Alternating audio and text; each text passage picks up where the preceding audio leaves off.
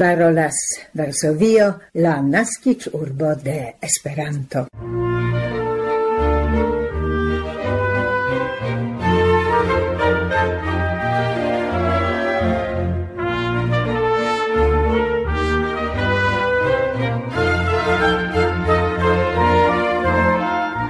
Coran saluton, carai auscultantoi, en la 1200 quina Esperanto el Sendel Varsovio, por kiu invitas vin la 30 de oktobro 2022 Barbara Pietrzak, Pamela Krzypkowska kaj Maciej Jaszkot, kaj hodiau de nove Mauricio Rizzo Giacometto, kontribuanta voce al nia programo. Nia hodiava gasto estas Elżbieta Karczewska el Bialistoko, kiu dividas informojn pri la organizata tie sepdekdua kongreso de Kristana Esperantista Ligo Internacia Keli pri la temo dialogo inter religioi kongreso okazon tabenontiare. Hodiau vi krome trovos informoin pri pli proximai eventoi al kiui eblas aligi rete, kaj tio estas la deka Azia Oceania Kongreso de Esperanto en la Korabusan, okazonta jam venonce majne, kaj la disvolviĝonta fine de novembro tria virtuala kongreso, kiu samtempos kun retoso 2022. Komence bonvolu skulti kulturkronikajn informojn.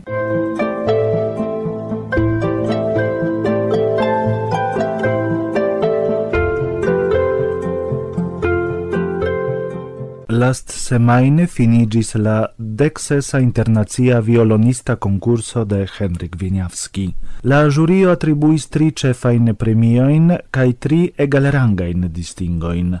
La unuan premion gainis Hina Maeda el Japanio, la duan Meruer Karmenova el Kazahio kaj la trian Qing Zhu Wenk el Ĉinio. Distingita estis Hana Chang, representanta Japanion, Singapuron kai Usonon, Jane Kyojin Cho kaj Dayun Yu, ambau el la Suda Koreio. La nuniara konkurso estis recorda la la vidpunkto de multnombra aligio. Por la antauelectoi anoncis sin ducent dudek violonistoi, alsendinte por priaŭskultado po quar componajoi sen munto kaj sonprilaboro. La candidato ne povis superi la tridec unuan vivoiaron. La jurio invitis alla concurso quardec unu personoin, sed la concurson partoprenis tridec unu. La plei iuna havis dexes iaroin, la plei agia dudec nau. La laureatoi de la nuniara concurseldono iam presentis la unuain concertoin, da kiui estos trideco en Pollando cae exterlande. Hina Maeda concertos cun orchestroi en Europo, en la landoj de Azio, ambau Americoi cae Afriko. La concurso de Henryk Wieniawski estas la plei malnova cae unu el la plei prestigiai internaziai violonistai concursoi en la mondo.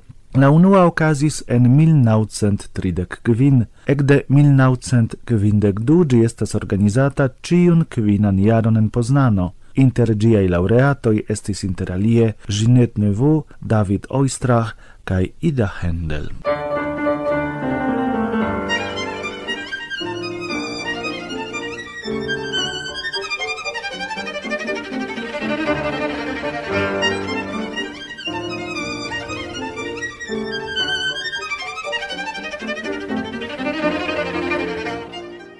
La pandemia periodo de la jaroj 2020-2021 signifis katastrofon por la polaj muzeoj kaj aliaj kulturinstitucioj.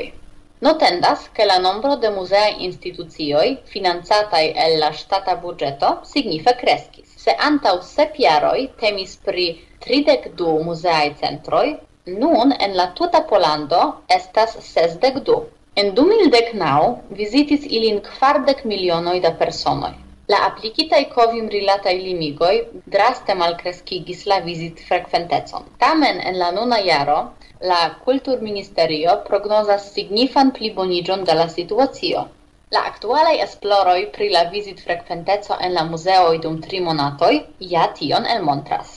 Rekordulo estas la Nacia Muzeo en Varsovio, en kiu compare al 2019 la nombro de visitoi crescis je ec 300%. Sendube, influas tion inter alie la lernejanaj ekskursoj, kiui kadre de la programo Ekkonu Pollandon visitas diversai regionoin, inkluzive de ĝiaj muzeoj kaj kulturcentroj. Ne ciui museoi notas tamen similain resultoin.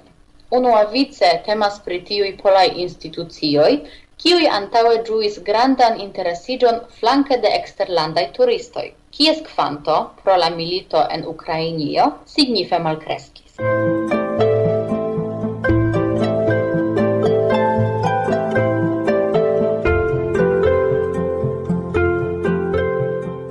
de la comenzo de septembro la Corea publico havis la okazon conatigi kun riĉa pola cultura programo kun organizita de Adam Mickiewicz Instituto. En la musica offerto temis pri plurai realtempai concertoi kun musico de Krzysztof Penderecki kaj la porfilma komponado de Wojciech Kilar. Dum Jara Sum Jazz Festival estis presentita la projekto Stańko Heliko Ogdek, lige kun la ogdekjarigio de renoma pola jazz muzikisto Tomasz Stańko. En la eldono de Sori Festival en Jeonju la pola folklora grupo Tengie Chłope presentis dans muzikon el villagioi de Kielce regiono kaj la centra Pollando.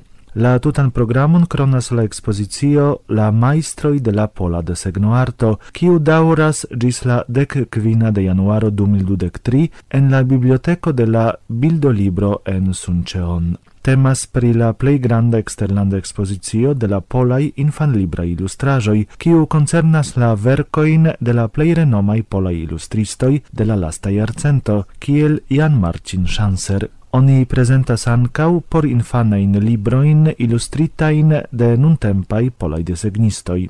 La exposizio, kies curatoro estas Yvonne Lee, pola filologo, art-historiisto, estis kun organizita de Adam Mickiewicz Instituto kaj Suncheon Picture Book Library. La Pola Adam Mickiewicz Instituto estas la nacia kulturinstituto, kies celo estas la vecado de interesigio pri la pola kulturo en la mondo, kunlabore kun eksterlandaj partneroj kaj pere de internacia kultura interŝanĝo. Dum la dudek dujara ekzisto ĝi realigis jam pli ol sepdek projektojn sur ĉiuj kontinentoj.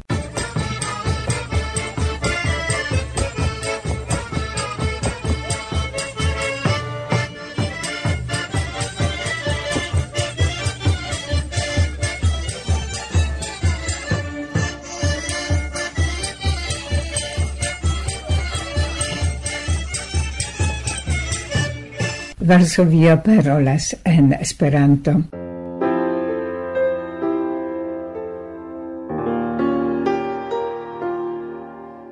Iam venant semaine inter la tria cae sesa de novembro 2022 en la Cura Busan ocasos fisice la pli granda aranĝo de Esperanto en Azio cae Oceanio la deca Asia Oceania Congresso de Esperanto, kiu debatos pri la temo novan vojon por la Esperanto movado post kronvirusa krizo. Por tiuj, kiuj ne povas aliĝi fizike, la organizantoj kreis la ŝancon kun partopreni ĝin rete. La koncerna adreso troviĝas en nia programinformo.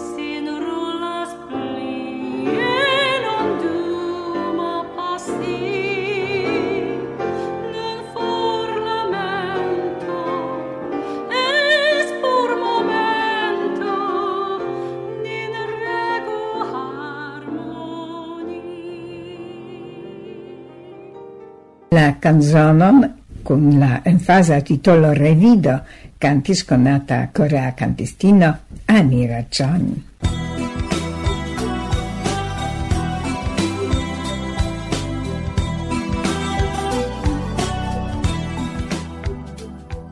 Universala Esperanto Asocio decidis che anche ankaŭ nuniare okazos la virtuala congresso de Esperanto.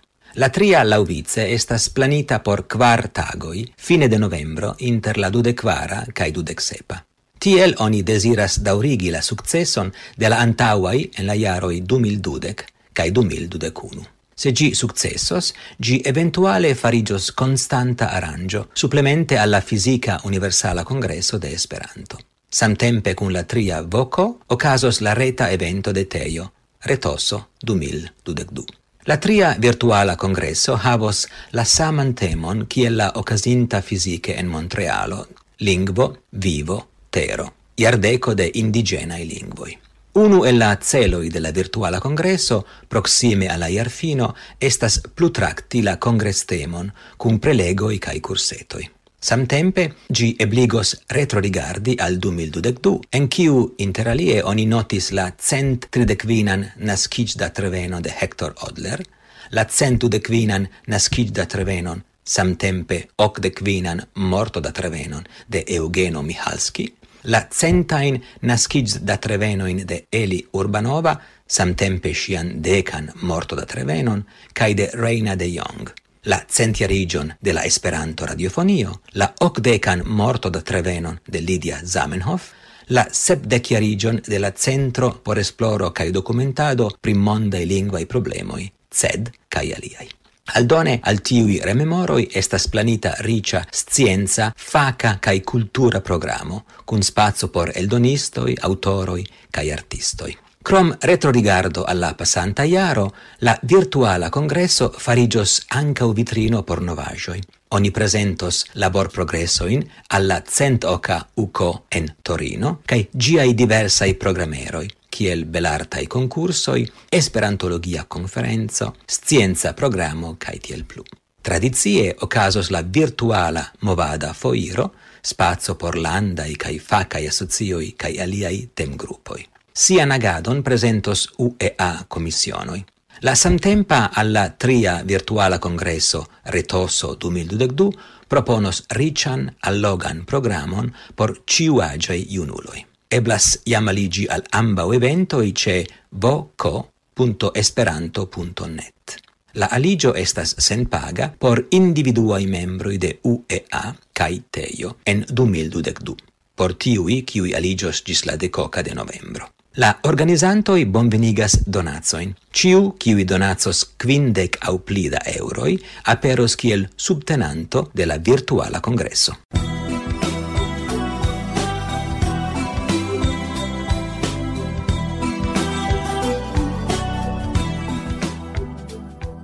Parolas Esperanto Radio, Varsovio.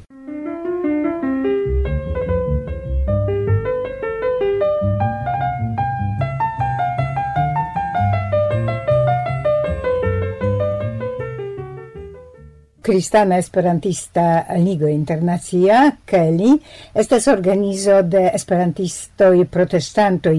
La celo de Kelly estas efican cun laboron inter cristanoi al diversei landoi kaj al diversei eklezioj kaj per Esperanto disconigi la evangelion. Venontiare, en Bialistoko Ocasus gia Lovica congresso cun eh, simptoma temo dialogo inter religioi do protestantoi celi superas la basan premison de sia statuto. Antonia microfono gastas Elżbieta Karczewska, kiu respondecas pro la organizo de la congreso. Kiam mi estis malgranda, mia avino, kiam si estis kolera, pro mia conduto, diris, ho, vi lutro, kai mi estis absoluta certa che tio ci estis fivorto. Pasintiare, dum bialistoca examen hoftagoi, Agnes, kies familia nomon mi ecce povas el paroli el Budapesto, racontis pri testamento de Lutro kaj mi miris char pacto casis ke ni malmulte scias pri aliai religioi cae iliai representantoi. Do Agnes, admirante la metodon de organizado de niai aranjoi en Bialistoko, scherze diris, eble vi nun organizu ancau la Cristanan Congreson, ca mi tui respondis, kial ne? Mi proponis organizi la kongreson al Fondumo Zamenhof kaj Bialistoka Esperanto Societo. Vi scias, che fondumo Zamenhof havas nur jurain membroin. do fizike ne povus organizi sen bona kunlaboro kun Bialistoka Esperanto-Societo. Kaj lokaj esperantistoj kun entuziasmo akceptis la inviton, kaj tia maniere ni decidis sendi du propon leterojn al Kelly kaj Ikue ciui du jaroi ocasas ecumena congreso au ocasis ecumena congreso de cristanoi gis nun. Do Kelly respondis che volonte, cum plesuro, ni demandis nian urp estron marŝalon de la Podlachia regiono, ču ili subtenos nin minimume honore ili respondis cum plezuro. Do mi havis eh, rencontigion cun eh, ortodoxa episcopo, mirinda viro cun plezuro, ni discutis unu horon, cae fine mi diris, signoro, sincere dirite, mi ne sias kia maniere mi devas alparoli vin, do mi diras, signoro, ne erarante, li alridis. Mi bezonas ortodoxan pastron kiu povas diri ion nekutiman pri via ortodoxa religio al homoj. Kaj li diris pantaleimon el la monakejo en supra pantaleimon por polo sonas absolute nekutime. Kunina Pietuchowska ni vojaĝis al supraĉ, ni tuŝis la butonon de la sonorilo, venis du metra Potenzulo, con rufai haroi longai, aliridante demandis kia maniere mi povas helpi, cae same mi, aliridante, diris, mi sertas pantaleimonon, estas mi. Same bona rencontigio ocasis en Tikocin, en la tria, setemas pri grandezo, sinagogo. Mi diris al la direktoro, vidu signoro, estas multe da antaujugioi, homo nestiante racontas stultajoin.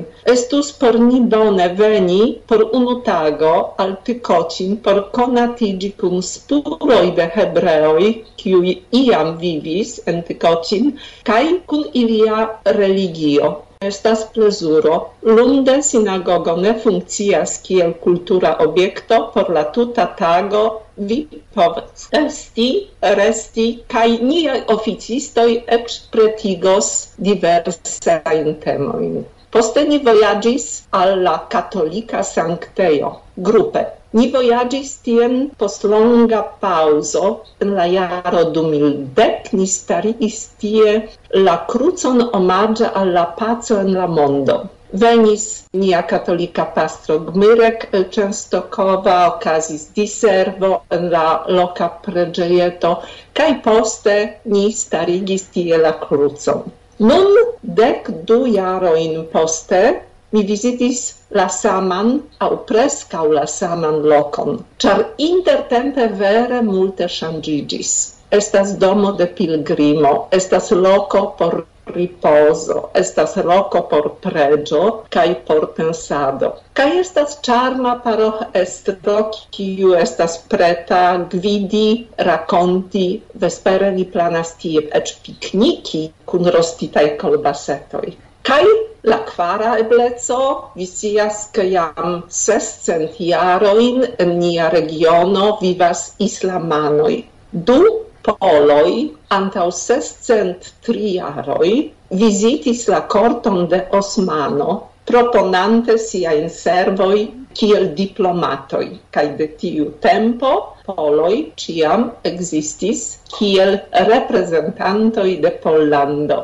Do musulmanoi, islamanoi, pardonu, vivas en nia regiono kai ni povas montri, prezenti iliajn tradizioin, ilian culturon, kai ilian religion. Kiam ni presentis en la reto nian afishon, unua frazo sub la afisho estis frazo en la poemo de Ludovico Zamenhof sub la verda standardo. Cristanoi, hebreoi, mahometanoi, ni ciui de di estas filoi.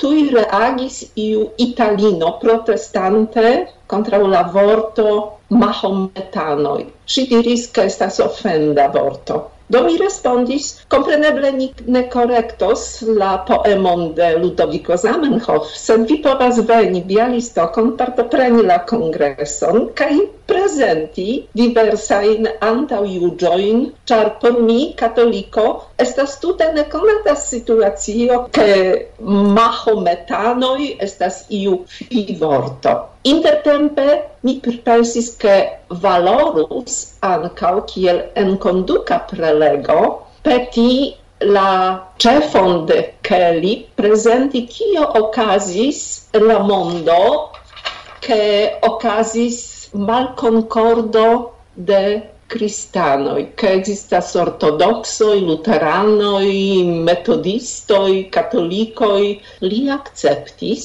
cae la unuan tagon, li racontos al la publico cio facte ocasis che ni havas diversain religioin. Ni desiras ankaŭ prezenti tute nekutimajn temojn, ekzemple pri plagiatoj en Biblio. Do legante la artikolon, kies aŭtoro estis specialisto pri religioj el la Jagiellona Universitato, mi ekkonstatis ke la historio de cristianismo kiun mi ekkonis en la katolika pregeio estas iomete alia ol en Biblio, do valorus discuti pri tio. Valorus conatigi pri opinioi de homoi kiuj pli profunde studis religion, ne nur la sian, sed ancau aliaen, do nia papo Francisco diris che oni devas conatigi cun aliai religioi ne abstracte, sed facte cun aliai religioi, cun historioi de aliai religioi, por ec compreni homoin cae comune crei la pacan mondon. Ciu vi contactis ancau polen protestantoin, esperantistein, prefere, sed eble ancau, same kiel vi faris rilate aliein ecclesioin, ciu vi ancau contactis representanton de polei protestantoi? Yes, en Bialistoko estas comunumo de protestantoi, Ni planas organizi la congreson sur base de Porpastra Seminario, kiu situas tui apude kun la preĝejo de Sancta Adalberto, kiu iam apartenis al luteranoi.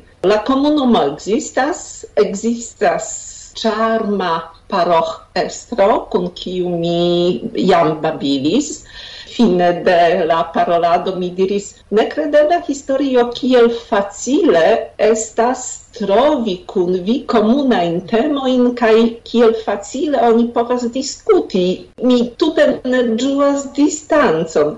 Kaj li diris vidu kolegino minoritatoj devas havi ŝancon montri ke ili ekzistas kaj mi ĝuste reprezentas minoritaton en Bialistoko Do, koran dankon pro tiuj ĉi amplekse informoj. Mi scias, ke vi partoprenis la lastan kongreson de Kelly, do Kristana Esperantista Ligo Internacia. Yes, mi partoprenis la sepdek unuan kongreson en Domaszek, mi partoprenis ankaŭ la sepdekan kongreson en Legnica, do estis por mi ŝanco lerni kia maniere pretigi la programon. Kio plaĉis al mi, tio restis, kio ne plaĉis al mi, mi forstrekis. Mi estas absolute certa, ke la kongreso estos eksterordinara. Tempo estas bona. Estis longa tago. Estas ses tagoi kun programo,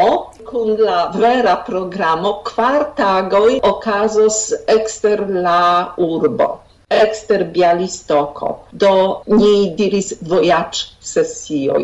Unu tagon en Tykocin, unu tago en suprash ortodoksoj, unu tago en katolika sanktejo sankta akvo, kaj unu tago ce islamanoj, kaj du tagoj en Bialistoko por katolikoj kaj aliaj religioj, kiuj ankaŭ ekzistas, ĉar Podlakio estas fama pro sia multreligieco kaj multkultureco.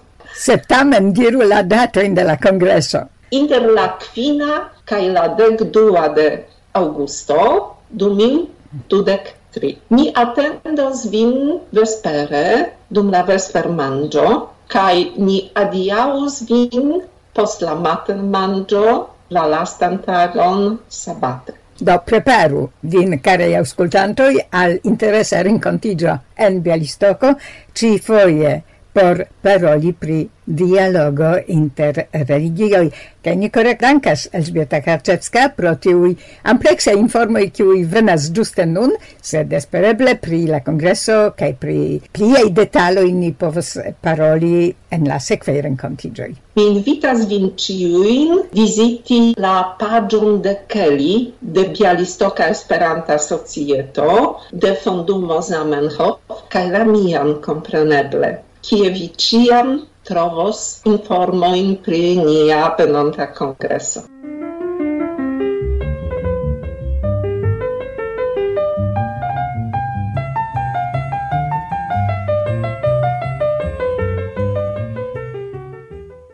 Per nia anteo microfon rencontigia cun Elżbieta Karczewska, lige cun la jam iam preparoi alla sepdecdua Kelly Congresso in Bialistoco venontiare, finigas nia lauvica Esperanto el sendo el Varsovio. Invitante por nia sekva programo ni memorigas, che gioigos nin viei commentei ragoi, sed nianca ne cashu, che nur dank al via subteno nia laboro povos dauri. Anticipan dankon pro via comprenemo. Signorinoi cae signoroi, gis la raudo.